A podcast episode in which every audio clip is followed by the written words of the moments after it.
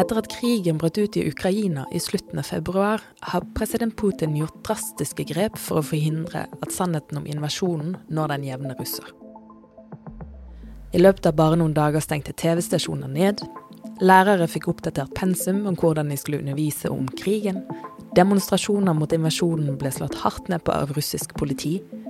Og Putin har holdt et gigantisk propagandashow fra en stadion i Moskva.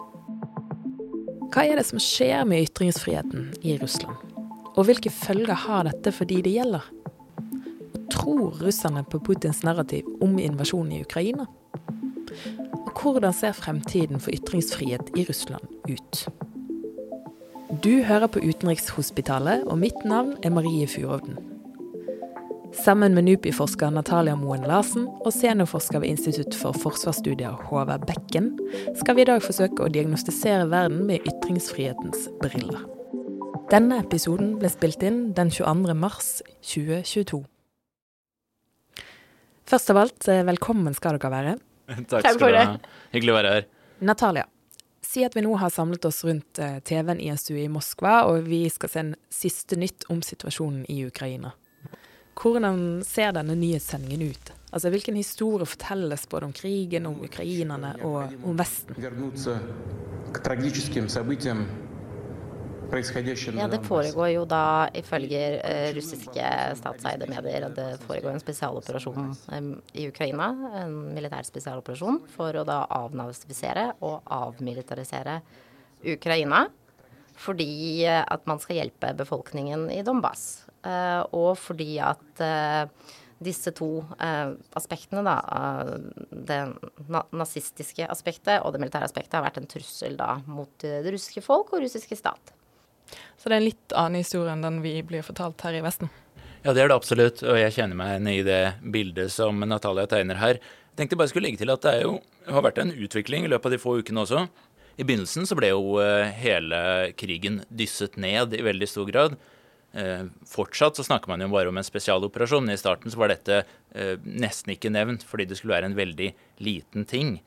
Mens eh, senere så mener jeg at vi har sett et mer bilde av at det er en krig, men at det er en helt annen krig. At man begynner med disse narrativene og snakke om denazifisering og demilitarisering, snarere enn bare om en lokal sak rundt disse utbryterrepublikkene i Øst-Ukraina. Og så tenker jeg at kanskje siste uka at vi har fått mer eh, saker som anerkjenner at dette er en stor ting. Det er nå vi også har fått sant, støttedemonstrasjoner, og det går inn i skolen i større grad osv. Nå mener jeg også å se flere sånne historier om krig, om heltemot og oppofring. Og dels faktisk også en anerkjennelse av katastrofen f.eks. i Mariupol, men hvor eh, skylda da legges på, eh, på den forsvarende parten, da, som visstnok skulle bruke sivile som menneskelig skjold. Så det er en dreining her, og jeg tror det kommer til å forandres høytligere også. Ja, altså Temaet for dagens episode er jo propaganda og ytringsfrihet i Russland. Og mange tenker jo kanskje at Russland i utgangspunktet ikke hadde så mye ytringsfrihet å skryte av. Eh, på pressefrihetsindeksen til Reporters Without Borders så ligger Russland på en 150.-plass av 180 land. Eh, så det har på en måte frem til nå ikke stått så veldig bra til. Um, men hva er det egentlig som har skjedd med ytringsfrihet i Russland etter at Putin gikk til krig mot Ukraina? Altså I Russland så har jo ytringsfriheten lenge vært eh, begrenset, eh, for å si det mildt. Eh, men i løpet av de siste tre, nå er det straks fire uker, så har den jo blitt nærmest ikke-eksisterende. Og det som da fantes av alternative kilder til informasjon i forhold til de statseide, statskontrollerte mediene, eh, det har jo blitt enten eh, lagt ned eller, eh, eller blokkert. Eller har de satt seg selv på pause, eller så har de valgt å, å drive med sensur på seg selv, da, for å, fordi at i Russland så har det kun Det er ulovlig å formidle eh, situasjonen uh, om krigen eller om spesialoperasjonen uh, fra andre, eller bruke andre kilder til å formidle den situasjonen enn en statlige kilder. Mm. Men hva risikerer de, da? Hvis, hvis, de, hvis, de, omtaler krigen, eller altså, hva risikerer disse journalistene? Institusjonene vil jo gjerne da bli uh, dømt for ekstremisme eller for å spre falsk informasjon, og så må de stenge. Når det gjelder enkeltmenneskene, så er det jo langt mer alvorlige konsekvenser for dem personlig også. Vi vet jo at mange demonstranter for eksempel, som også er et, uh, forsøk på å ytre en mening og spre informasjon om hva som faktisk skjer, har jo blitt utsatt for veldig dramatisk forfølging nå i det siste. Vi har rapporter fra menneskerettighetsorganisasjoner om tilfeller av tortur. Og vi vet jo også at uh, disse som blir tatt for demonstrasjoner, løper risiko for å miste jobben, for å bli kasta ut fra studiesteder uh, osv. Så, videre. så det er uh, veldig dramatiske konsekvenser. Og også nå har demonstrasjonene vært såpass små, mens antallet som ble anholdt av politiet har vært veldig høyt. Så nå er jo risikoen veldig høy for hver eneste demonstrant som skulle finne på å gå ut i gatene og protestere.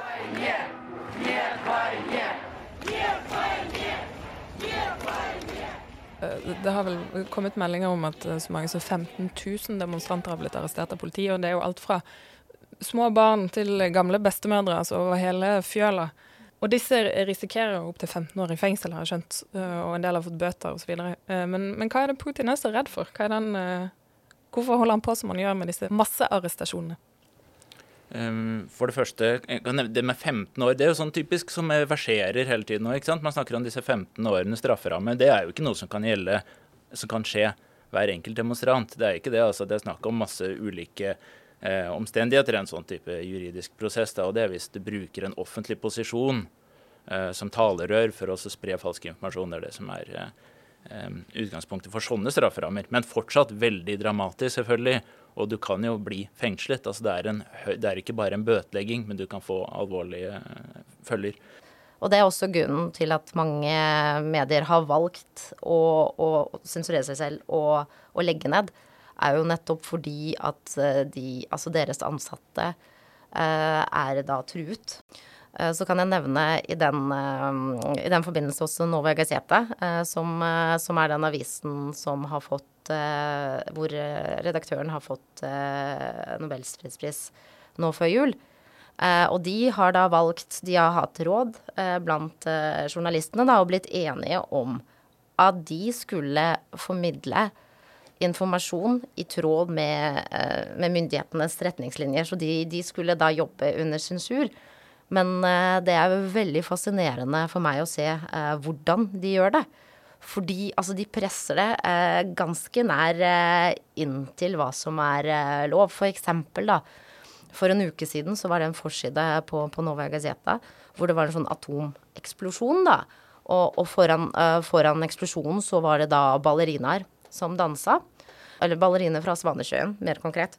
Og i Russland så er dette med Svanesjøen det er jo et symbol på da sensur. Fordi at når eh, det var eh, en statskupp, et eh, forsøk på statskupp i, i 1991, så slutta TV-ene alle sine sendinger, og, og, og det eneste som ble vist, var Svanesjøen.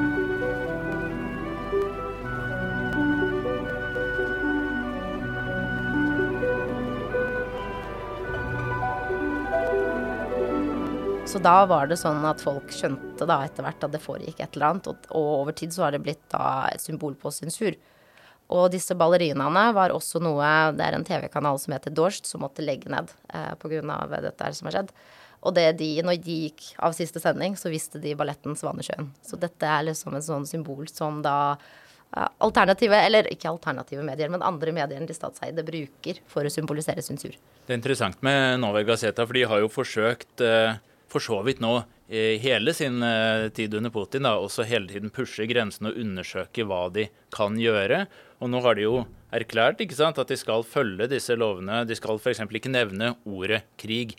Men istedenfor å oppgi krig, i mange artikler så setter de rett og slett inn en klamme, og så skriver de Roskomnadzor, som er navnet på den statlige overvåkingstjenesten for medie og informasjon.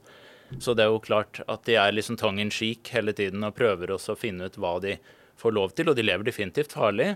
For vi har jo demonstranter som har blitt tauet inn for akkurat uh, sånne type stunts, hvor de ikke skriver krig, men de skriver f.eks. bare to ord på en plakat for å henvise til at det er mot krig uh, de refererer til. Noen har også blitt tatt for å ha helt tomme plakater. Bare stå på gata alene med en tom plakat og blir fortsatt tatt inn. Så Novi Gazeta har jo veldig tøffe journalister som er villige til å løpe en personlig risiko. Mm. De lever nok eh, antageligvis ganske farlig på sikt, de også. Det er jo en av de få som er igjen nå. God del av dem, da. Mm. Men, men, hvem er disse som tror på Putins narrativ, da? Det er jo, det er jo selvfølgelig veldig mange. Um, vi vet jo at det er en uh, ganske sammensatt gruppe russere når det gjelder tiltro til, uh, til Putin og til uh, fiendebildene han tegner og sånn generelt. Det er en fast støttegruppe som vi ofte peker på, da, som er, har lavere utdanning, som bor utenfor de største byene, og som konsumerer selvfølgelig mye statlig russisk TV. Det er jo de som tror på denne historien også, det er jo ikke så underlig. Der er jo problemstillingen eh, den at antallet som faktisk følger den statlige propagandakildene, i hvert fall russisk TV, er jo ganske dramatisk synkende. Uh, I 2014, hvor vi hadde den forrige, uh, eller den første runden med annekteringa og invasjonen av Ukraina, så eh, var tallet på 90% på spørreundersøkelse de som rapporterte at TV var den fremste kilden til informasjon.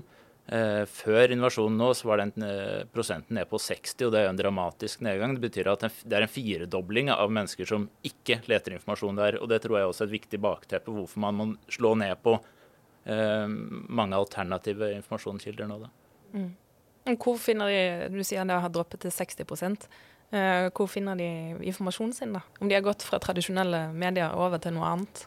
Sosiale medier er nok antageligvis svarer i ganske stor grad på det. Mm. Og det vektlegges jo også nå ganske sterkt i Russland, dette med sosiale medier og hvordan man eh, eh Altså staten, bl.a. gjennom tilgang til eh, skolene, til barna, til foreldrene og lærerne, snakker mye om faren ved å bruke vestlige sosiale medier. Nå er selvfølgelig disse blitt blokkert i mye større grad, men det går i tillegg til det. Og prøver å få dem over på de russiske, da, eh, som skal være mer trygge. For i Russland har de nemlig egne sosiale plattformer. Og den siste utviklingen i Russland nå er at selskapet Meta, som eier Facebook, Instagram og WhatsApp, har blitt stemplet som en ekstremistisk organisasjon. Men det er ikke sånn at du er ekstremist av å bruke disse to kanalene. Du blir ikke stempla som ekstremist pga. det. Men det, det setter jo Facebook-brukere i en slags dårlig lys, da, hvis de driver og formidler via ekstremistisk, eh, et ekstremistisk medium. Dette tror jeg er et veldig viktig poeng eh, knyttet også til det at vi snakker om 15 år osv. Signaleffekten her overfor russiske befolkningen når vi har en kombinasjon av en opptrapping av dette ekstremismenarrativet. Vi har også eh, fra toppnivå eh, brukes begreper som eh, nasjonalforræder og en utrensking av femtekolonister. Jeg snakket Rogozin om, f.eks. Vi har veldig harde strafferammer. Vi har også en diskusjon om gjeninnføring av dødsstraff. og Alt dette samlet det har selvfølgelig en utrolig avskrekkende effekt på alle uavhengig av hva slags konkrete følger man tror det får her og nå, men man tør ikke bevege seg inn i det landskapet i det hele tatt.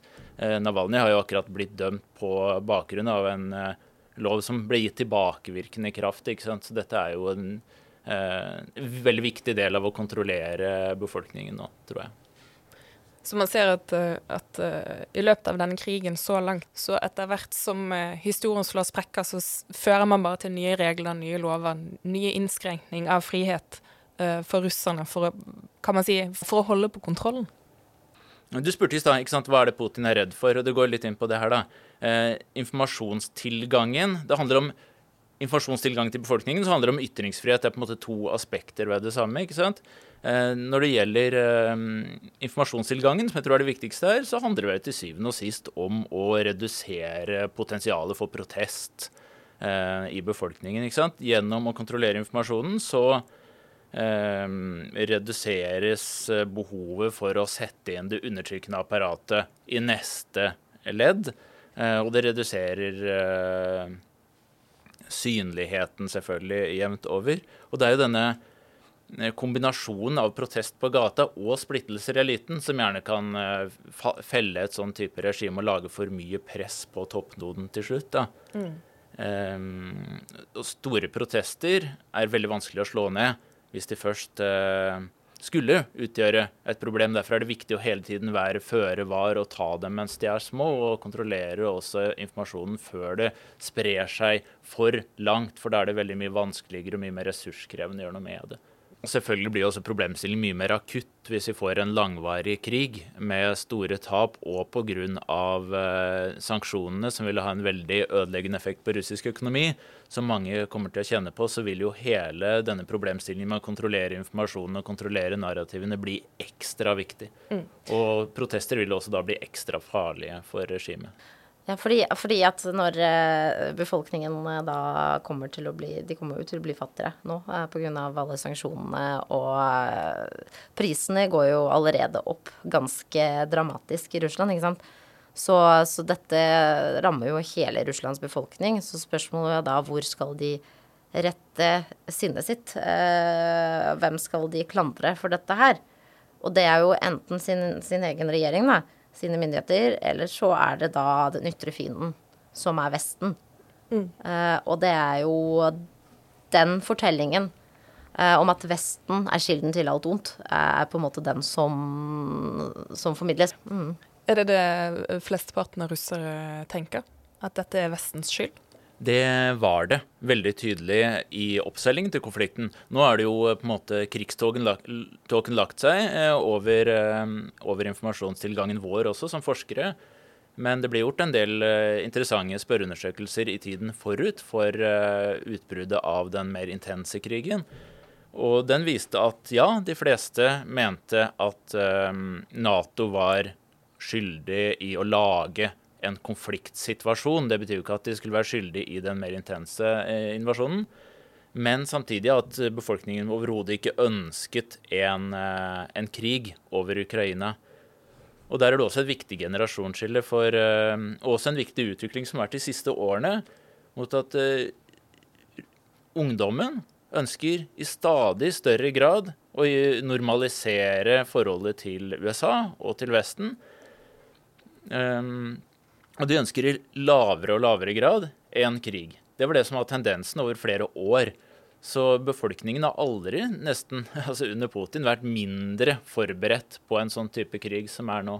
Eh, og det tror jeg også er eh, viktig å spille inn i hele den diskusjonen om hvorfor man nettopp må legge så tydelig lokk, og hvorfor man forsøker å mobilisere barn og unge også i forbindelse med, med propagandaen. Ja.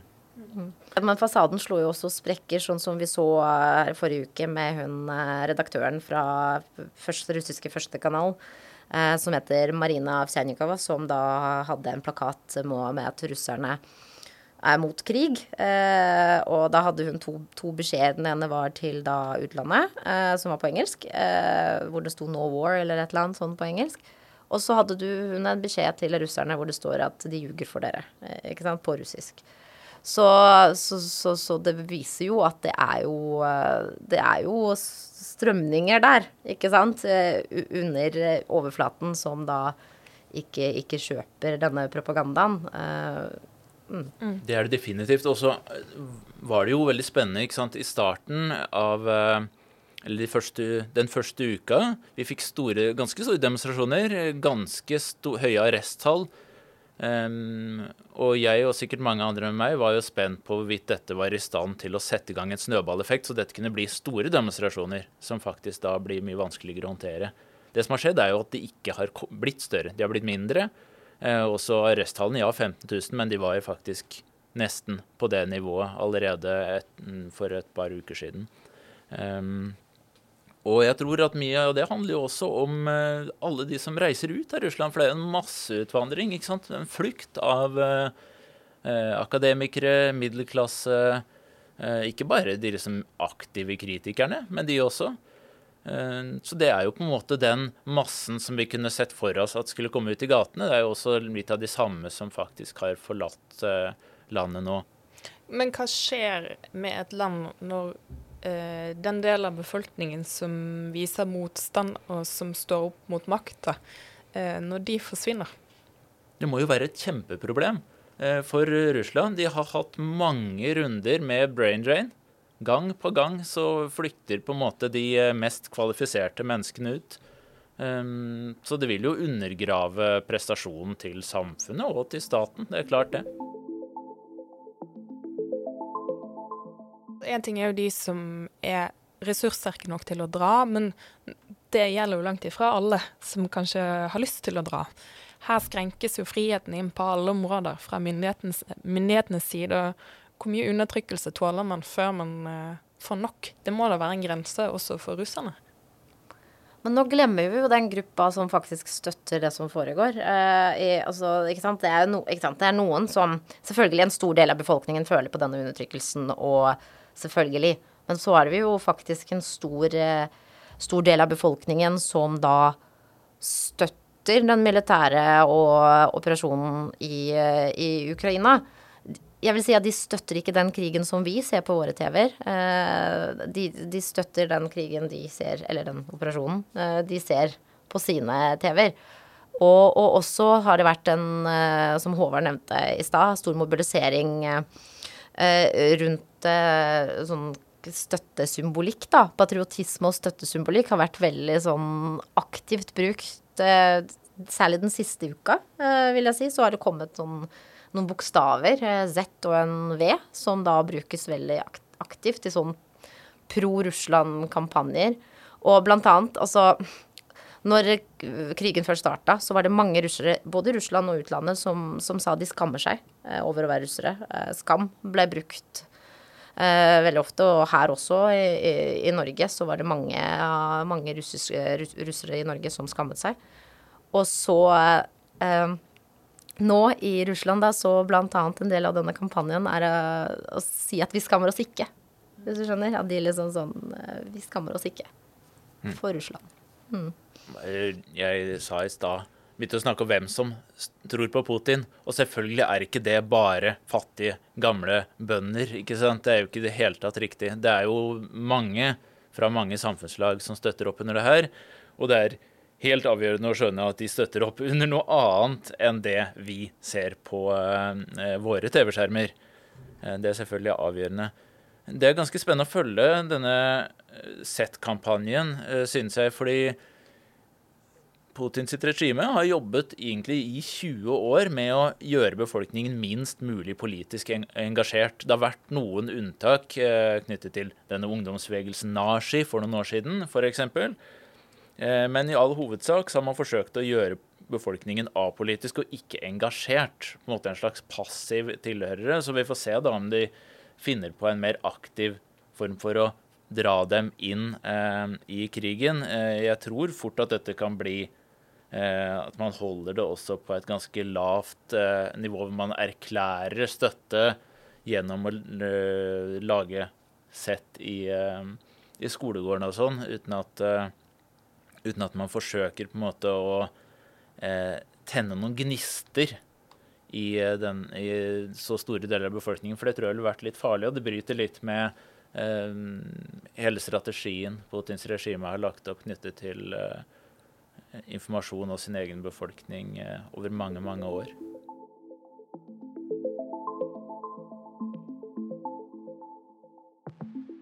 Ja, for ingen vet jo hvor denne krigen går, eller hva som kommer til å skje, hvordan det vil utvikle seg.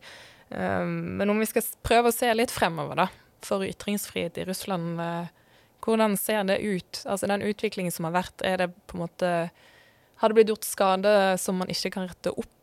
Eller er vi tilbake i Stalin-tid, eller altså, hvordan ser fremtiden ut? Nei, eh, sorry, jeg tror ikke det kommer til å bli bedre med det første, i hvert fall.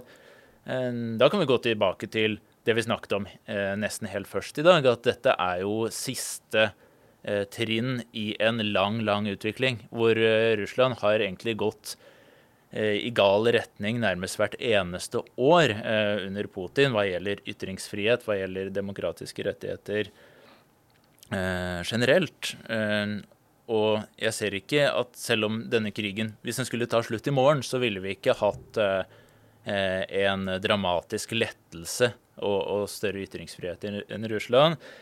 Selvfølgelig er ikke dette likevel permanent. altså Ting vil jo forandre seg på et eller annet tidspunkt. Men eh, jeg tror vi da må se for oss en eh, mer omfattende endring i Russland før dette aspektet skal endre seg noe vesentlig jeg ser ikke bort fra at det blir små lettelser. Eh, og vi vet, vi vet at det sitter jo mange eh, både aktivister og journalister nå i det nære utland, som man sier i Russland, altså i nabolandene, og venter på en mulighet for å komme inn og vurdere situasjonen eh, fortløpende, om det er mulig å fortsette igjen. Så, de, når ikke de har gitt opp, syns jeg ikke vi som forskere skal gi opp helt heller.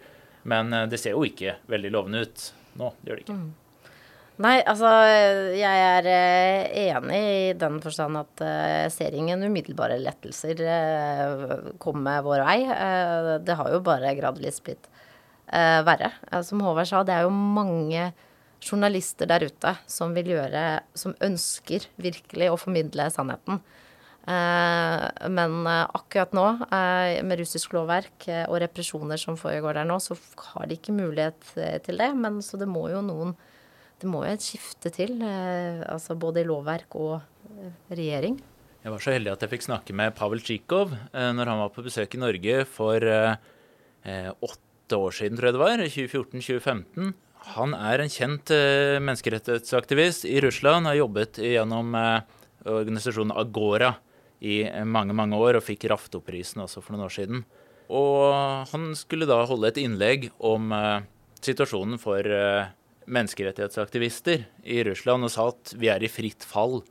Og hvis bunnen flytter seg hele tiden under oss, og vi vet ikke når dette skal stoppe.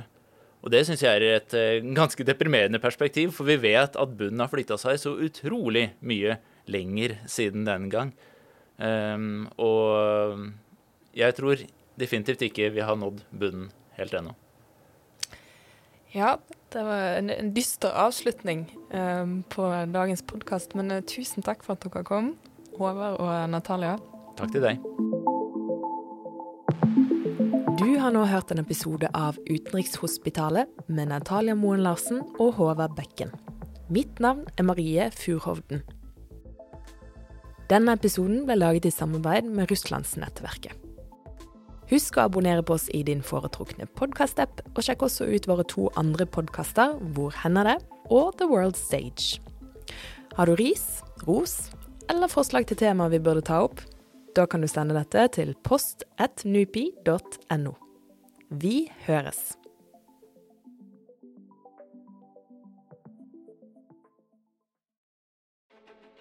I have a dream. It's one small step for man, one giant leap for mankind. I 60 år har Nupis Hvor hender det? fulgt de viktigste sakene i verdenshistorien. Mr. Gorbachev, tear down this wall. Og formidlet dem til norske elever og andre som er interessert i utenrikspolitikk. That is the World Trade Center, and we have unconfirmed reports this morning that a plane has crashed into one of the towers på nupi.no slash skole kan du lese gode og aktuelle artikler skrevet av forskere og andre skribenter med spisskompetanse. I podkasten får du høre dem fortelle med egne ord. Mange ganger så ser vi at land bare kjører på uten å ta hensyn til det Sikkerhetsrådet bestemmer. Og I verste fall kan jo det sørge for at det blir gjennomført krigshandlinger. Mitt navn er Therese Leine, og i denne podkasten fra NUPI velger jeg ut de sakene som fortjener ekstra oppmerksomhet. De sakene som kommer til å bli huska seinere i historien. The British people have spoken, and the answer is we're out. America first. America first. We are in the beginning of a mass extinction, and all you can talk about is money and fairy tales of eternal economic growth. Hvis du setter av noen få minutter av tida di, får du bli med inn i dybden av det mest spennende som skjer i verden akkurat nå. Gå inn på Acast, Spotify eller Apple sin podkast-app og søk på Hvor hender det?